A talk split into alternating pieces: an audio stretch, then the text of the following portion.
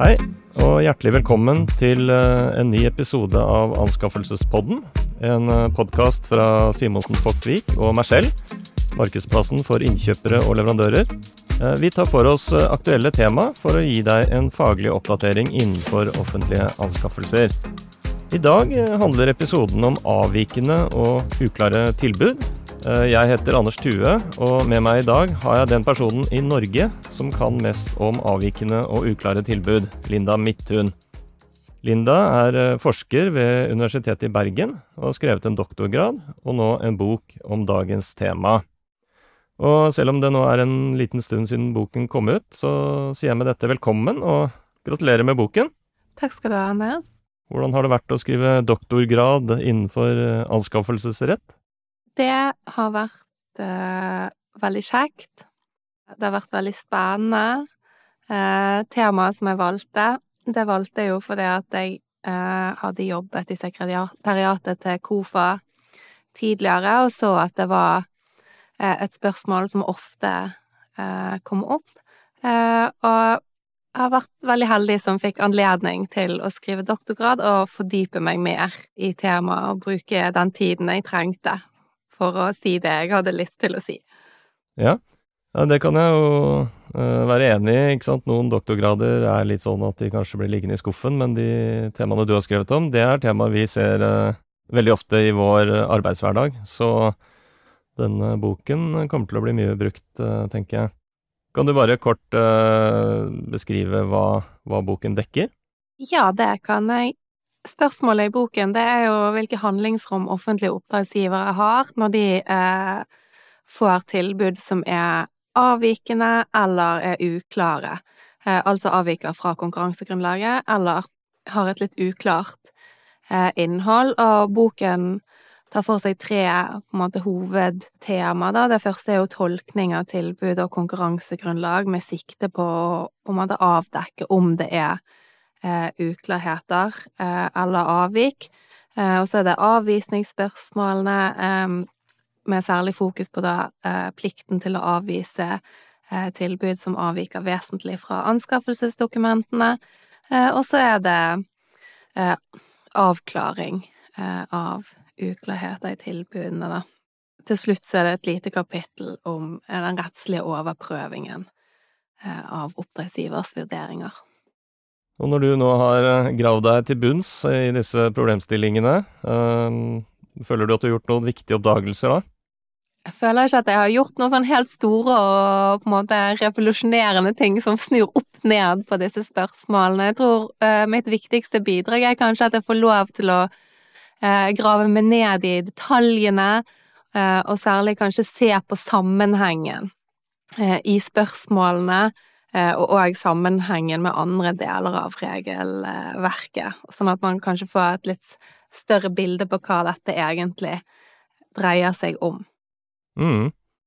Var det noe som har overrasket deg i arbeidet, eller? Ikke veldig, nei, jeg kan ikke si det. nei. Nei, men da kan vi jo gå litt inn på materien her, da. Og kan du gi en uh, oversikt over hva avvik og hva som ligger i avvik og uklarheter? Ja, altså kort beskrevet så vil jo avvik være de tilfellene der eh, et tilbud ikke helt samsvarer med det oppdragsgiver eh, har bedt om i konkurransedokumentene, for typisk eh, at det er et krav i kravspesifikasjonen som ikke er oppfylt, eh, eller at det er et forbehold mot et av kontraktsvilkårene i anskaffelsesdokumentene, da, mens uklarheter går mer på at eh, tilbudet kanskje er tvetydig, eller at det er gitt motstridende opplysninger, så det er ikke helt klart Eh, hva tilbyder har ment å tilby, og om eh, de kravene som oppdragsgiver har stilt, er oppfylt. Mm. Og så nevnte du at den første hoveddelen av boken handler om tolkningen av tilbudene og, og konkurransegrunnlaget. Uh, og hvorfor er det viktig i, i, denne sammenhengen her? Det er jo viktig fordi at man må klarlegge om reglene eh, om håndtering av avvikende og uklare tilbud får eh, anvendelse. Eh, og i det kapitlet, så i tillegg til den alminnelige tolkningsreglene med objektiv tolkning, så eh, har jeg òg tatt for meg uklarhetsregelen, som sier at oppdragsgiver har risikoen for uklarheter i konkurransegrunnlaget, mens tilbyderne har risikoen for uklarheter i tilbudene, og eh, den situasjonen eh, der disse på en måte kolliderer lite grann, eh, fordi man ser at det kan være uklarheter på begge sider, eller at tilbyderen har misforstått konkurransegrunnlaget og hvordan man skal håndtere den situasjonen. Så da går man jo òg litt inn i mer konkrete problemstillinger, da. Eh, og det, den delen av avhandlingen var veldig spennende å skrive, syns jeg. Ja, kanskje du kan si litt mer om det? Hvordan uh, denne uklarhetsregelen da, vil fungere i, i en anskaffelsesrettslig sammenheng? Ja, altså i anskaffelsesrettslig sammenheng så har jo uklarhetsregelen en litt annen funksjon enn den har eh, Den er jo hentet på en måte fra alminnelige avtaletolkningsregler om at uklarheten skal gå utover den som er nærmest til eh, å bære risikoen, men i anskaffelsesretten så har han jo en litt annen funksjon enn i den eh, alminnelige avtaleretten, gjennom at man ikke bruker den til å komme fram til et konkret tolkningsresultat fordi skjer, det skjer i den prekontraktuelle fasen, altså før kontrakt er inngått, og den brukes mer til å fastslå eh, hvordan reglene i anskaffelsesregelverket eh, skal benyttes. Så for eksempel eh, risikoen for en tilbyder som har levert et uklart tilbud, er jo eh, at tilbudet da skal består jo at tilbudet skal håndteres eh, etter reglene Eh, om avvisning,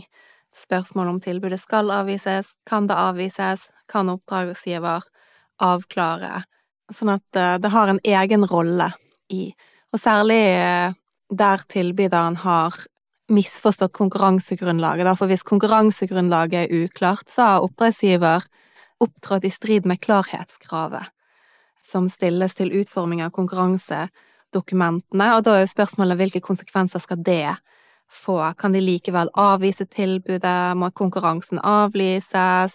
Hva er vilkårene for, for det? Det var veldig spennende. Ja. Nei, for det er jo interessant, sånn som du sier, at uh, dette er jo regler som er tatt fra avtaleretten, men så får, om ikke helt andre utslag, da, så i hvert fall uh, noe andre utslag, fordi anskaffelsesreglene er jo uh, regler der hvor det er ikke bare to parter, men tre eller flere parter, da, ikke sant. Det er jo andre tilbydere også. Sånn at det, det er veldig, veldig interessant. Men når det gjelder da, hvis vi går over på dette med avvisning Når det gjelder avvisning av tilbud med avvik eller uklarheter, hvordan er reglene om det i henholdsvis EU og i Norge? Kan du gi en oversikt over det? Det er jo litt forskjeller eh, i EU og Norge. I Norge så har vi jo eh, de klassiske reglene som vi kjenner med avvisningsplikt for tilbud som har vesentlige avvik. Så har vi avvisningsrett for eh, tilbud som har avvik eller uklarheter som ikke er ubetydelige, og så har du da de som man eh, vil si er ubetydelige, og som oppdragsgiver bare må godta. Mens i EU så har man en mye mindre detaljert eh, regulering av dette. Eh, det er ingen regel i direktivet som konkret fastslår avvisningsplikten. Eh, det man har i artikkel 56 i direktivet, det er jo en regel som sier at oppdragsgiver skal sjekke at tilbudene oppfyller eh, de krav og kriterier som oppdragsgiver har stilt da, før man tildeler kontrakten. Men ikke mer detaljerte regler om på avvisningsspørsmål. Nei. Det er jo litt sånn eh, overraskende, ikke sant. Du har disse direktivene på flerfoldige sider. Og så er ikke dette veldig sentrale spørsmålet ja, man kan, kan si. Det er ikke skikkelig regulert. Eh, og det er eh, kanskje rettspraksis fra EU-domstolen som, eh, som, må fylle det ut, da. Ja. For i Norge, der er det jo ja, samlet i ett kapittel og mye mer utførlig regulert. Vil du si, og det er kanskje litt stort spørsmål, altså, men vil du si at det er denne forskjellen i hvordan man har satt opp reglene, Eh, har det gitt seg utslag i at reglene materielt sett er forskjellige? Jeg vet ikke om vi kan slå fast det, altså de norske reglene, særlig den regelen om avvisningsplikten, altså den er jo ment å ta opp i seg eh, den rettspraksisen som er fra EU-domstolen, og særlig da kanskje den sentrale store Belt-dommen, der EU-domstolen slo fast at oppdragsgiver hadde avvisningsplikt for tilbud som har vesentlige avvik. Så jeg vet ikke om vi kan si at det er store forskjeller men det er jo ikke mye rettspraksis fra EU-domstolen om dette. Eh, sant? Man har Det er særlig den store beltdommen som er sentral. De har ikke gått inn i detaljene på samme måten som man gjør i alle de mange sakene som kommer opp i norsk praksis eh, om avvisningsspørsmål. Jeg tror man, man forsøker i hvert fall å ha på stor, store feltdommen og EU-domstolene med seg når man tolker uh, i Norge, da, i hvert fall. Mm. Men ikke sant, denne forskjellen, uh, når man skal løse konkrete spørsmål, så kan man jo bli usikker, og noen ganger så ser man uttalelser fra EU-systemet som uh, Så kan man nesten få inntrykk av at ingen avvik kan aksepteres. hva er ditt syn på det? Det det fins jo noen ting som kanskje kan tyde på det, for eksempel så er jo den artikkel 56 i direktivet ganske kategorisk, sies at man oppdragsgiver skal undersøke at alle kriterier er oppfylt. Det fins òg noen eh, dommer som uttaler seg litt sånn kategorisk om det, men det som mitt syn på det, at vi kan ikke tolke de fullt så strengt. De fleste av de eh, sakene som jeg fant der det var uttalt, så var det ikke de var, Der var ikke uttalelsene gitt i sammenheng med faktiske avvisningsspørsmål, men i andre sammenhenger. Eh, sånn at eh, jeg tenker at det er eh, den normen som framgår i Storebeltdommen, som eh, vi bør forholde oss til i disse spørsmålene, da. Ja, og, og, hvordan er da hovedregelen eh, når det gjelder avvisning av tilbud med avvik?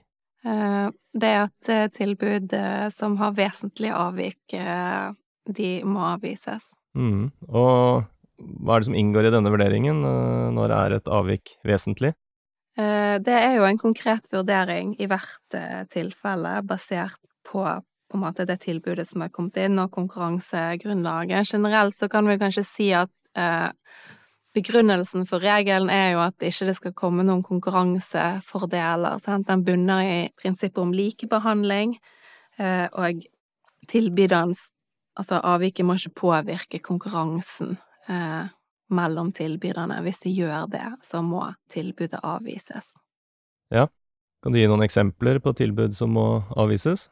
Eh, det klassiske eksempelet på tilbud som må avvises, det er jo tilbud som avviker fra absolutte krav som oppdragsgiver har signalisert at de må være oppfylt eh, for at eh, tilbyderen skal kunne få tildelt kontrakten.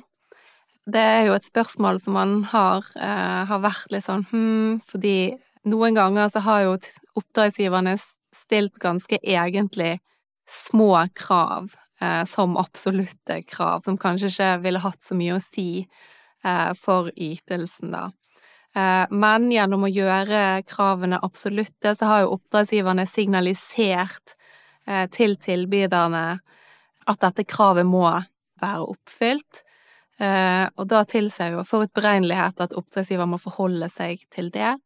Det er jo òg en risiko for at tilbydere har avstått fra å delta i konkurransen som følge av absolutte krav, da, at ikke de at ikke de kan oppfylle de absolutte kravene. Eh, så det er jo det klassiske eksempelet på tilbud som må, eller avvik som skal medføre avvisning. Ja.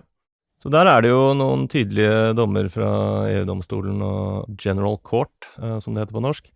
Men er den praksisen like tydelig i Norge, eller?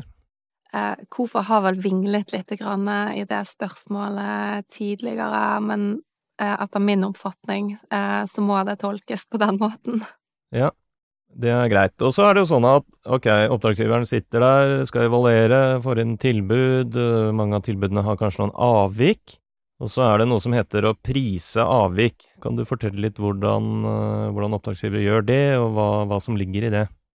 Eh, prising av avvik, det er jo et tema som jeg syns var veldig spennende når jeg skrev eh, avhandlingen, fordi prisingen har jo en litt sånn spesiell funksjon. Prising av avvik er jo egentlig en del av tildelingsevalueringen. Men spørsmålet om et avvik kan prises, har betydning for om det foreligger avvisningsplikt. Eh, I den sammenheng så er jo prisingen sin funksjon det å utjevne konkurransefordelen eh, som et avvik eller et forbehold kan gi til tilbyderen, slik at tilbudet skal kunne sammenlignes eh, med de øvrige tilbudene, da. I utgangspunktet så er jo Eh, denne prisingen som en del av tildelingsevalueringen opp til oppdragsgiveren sitt innkjøpsfaglige skjønn, men samtidig så setter jo eh, de grunnleggende prinsippene, og særlig likebehandlingsprinsippene, skranker for den friheten som oppdragsgiveren har under prisingen, da. Så for eksempel hvis et tilbud inneholder eh, et forbehold, så må Eh, oppdragsgiveren legge til grunn at det situasjonen vil inntre, at det forbeholdet realiseres, eh, og legge til grunn da i utgangspunktet den maksimale prisen som oppdragsgiver kan måtte betale på grunn av forbeholdet. Ja, så det har jo vært litt omdiskutert. Det har jo vært noen saker med noen har tatt forbehold om kanskje ja, de skal bygge noe, eller Kanskje til og med det handler om måking. Ja, det, vi tar forbehold om at det er en normal snøvinter. Og så er spørsmålet må man da Nei, da må oppdragsgiveren prise inn for å vurdere det forbeholdet. Liksom tidenes verste snøvinter, er det det, er det det du tenker, eller? I utgangspunktet så må man jo eh, Er vel regelen at man skal ta utgangspunkt i på en måte det verste tilfellet, men samtidig så må det være innenfor det rimelige eh, og forsvarlige, sånn at eh, det kan jo komme inn noen begrensninger der. At man skal ikke gå helt over stokk og stein med vurderingene. Ja. Da kan vi gå litt videre. Så hvis man tenker seg at man er i en anbudskonkurranse, så vil det jo da gjelde et forhandlingsforbud. Hvilke uklarheter er det da, hvis man får inn tilbud med uklarheter, hvilke uklarheter er det da oppdragsgiveren har rett til å avklare? spørsmålet om uh, avklaring av uklarheter, i likhet med avvisningsspørsmål, så er det òg en uh, konkret vurdering i det enkelte tilfellet, som regelverket jo er fullt av. men hovedregelen er jo da at du ikke kan avklare ting som innebærer at tilbudet forbedres. Og dette har jo òg sammenheng med forholdet til de andre tilbyderne i konkurransen. Man skal ikke få en konkurransefordel eh, gjennom disse avklaringsreglene. Eh, ja, og når er det man legger til grunn at tilbudet er forbedret? I utgangspunktet så kan man jo i hvert fall ikke foreta en måte endringer av tilbudene. Det er jo mange ulike momenter som eh, kan spille inn i vurderingen, men eh, jeg liker ganske godt en formulering fra generaladvokaten eh, som kommer i denne ESA-prosjektsaken for EU-domstolen, om at eh, man kan, kan zoome inn nærmere på eh, detaljene i det øyeblikksbildet som tilbudet utgjør. Ja. Det med avklaringsadgangen, da, det er jo Det var jo litt sånn i de norske forarbeidene, så kunne man jo få inntrykk av at nå altså, Regelverket var jo veldig kritisert før fordi det var så firkanta, og man ble avvist for det minste lille avvik, og man kunne ikke avklare noen ting. Og så, når vi leste de forarbeidene til det nåværende regelverket, så fikk man inntrykk av at ja, nå er det jo nesten fritt frem til å avklare. Eh, men er det egentlig sånn? Etter min mening ikke. Fordi når man ser på momentene i den vurderingen av om avklaring kan tillates, da, så vil det være mye det samme som tidligere. Eh, og, og EU-domstolen har jo Man må forholde seg til de tingene som EU-domstolen har sagt, som eh, er at uh, du må opptre i samsvar med likebehandling og gjennomsiktighet. Det går jo òg frem i den artikkel 56.3 i uh, direktivet som den norske avklaringsregelen gjennomfører, da, i del tre. Og EU-domstolen har jo i sine uttalelser lagt en ganske sånn streng eh, norm eh, til grunn eh, for denne vurderingen. Så jeg vil ikke si at det er fritt fram eh, i dag, og at det er veldig mye større adgang enn det det var tidligere. Nei. Uh, et annet område hvor du har gravd deg til bunns, det er jo Det gjelder jo konkurranse med forhandling. I en konkurranse med forhandling så er det jo sånn at Oppdragsgiveren eh, får inn tilbud, eh, de første tilbudene, og så er jo eh, praksis at man da skal kunne forhandle og gjøre tilbudene bedre, og så velger man til slutt vinneren. Men det som kan skje, er at man får inn tilbud med avvik, og kanskje også tilbud med vesentlig avvik i, den første runden eller i en tidlig runde. Der uh, har det vært mye usikkerhet om hva oppdragsgiver da kan gjøre. Kan du redegjøre for den diskusjonen og, og ditt syn på det spørsmålet?